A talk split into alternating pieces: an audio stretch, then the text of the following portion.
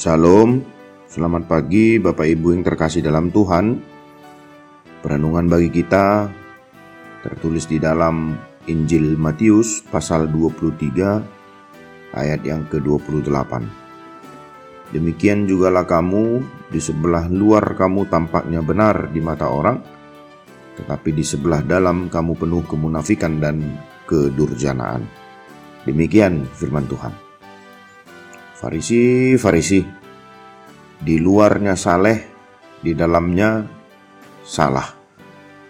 Di luarnya beriman, di dalamnya bermain. Mereka hidup seolah di dalam kesempurnaan, tetapi sebenarnya jauh dari standar Allah. Demikian gambaran kecaman dari Yesus kepada orang Farisi saat ia mengajar di kerumunan orang banyak dan muridnya. Bagaimana pengetahuan mereka tentang Allah tidak sesuai dengan kehidupan mereka sehari-hari. Lebih tepatnya, mereka hidup dengan penuh kemunafikan. Sikap munafik adalah satu sikap di mana seseorang menutupi kekurangannya atau kesalahannya dengan cara yang licik dan eksklusif. Di hadapan banyak orang, mereka berlaku baik, ramah, sok rohani, saleh. Padahal apa yang di hati mereka sangat bertolak belakang Bahkan motivasi pelayanan mereka pun tidak benar.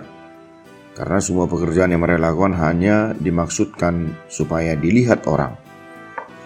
Tidak ada kasih yang mendasari pelayanan mereka. Mereka melakukan pekerjaan-pekerjaan dengan harapan beroleh pujian, sanjungan dari orang lain. Sehingga Tuhan Yesus memberikan nasihat. Turutilah dan lakukanlah segala sesuatu yang mereka ajar kepadamu, tetapi janganlah turuti perbuatan-perbuatan mereka karena mereka mengajar tetapi tidak melakukannya.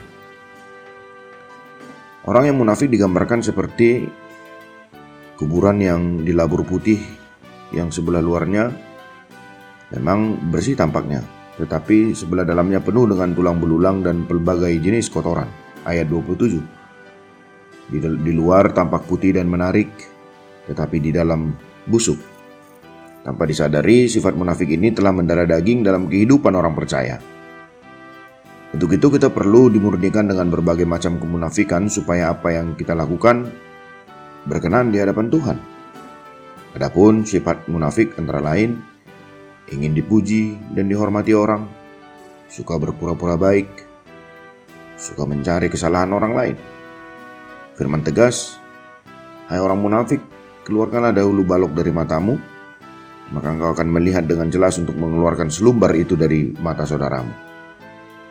Jika ada kemunafikan dalam hidup kita, apa pun yang kita lakukan akan menjadi sia-sia.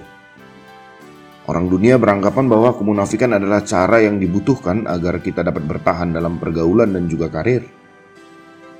Tapi terhadap orang munafik, Tuhan Yesus memakai bahasa yang cukup keras. Celakalah kamu yang munafik.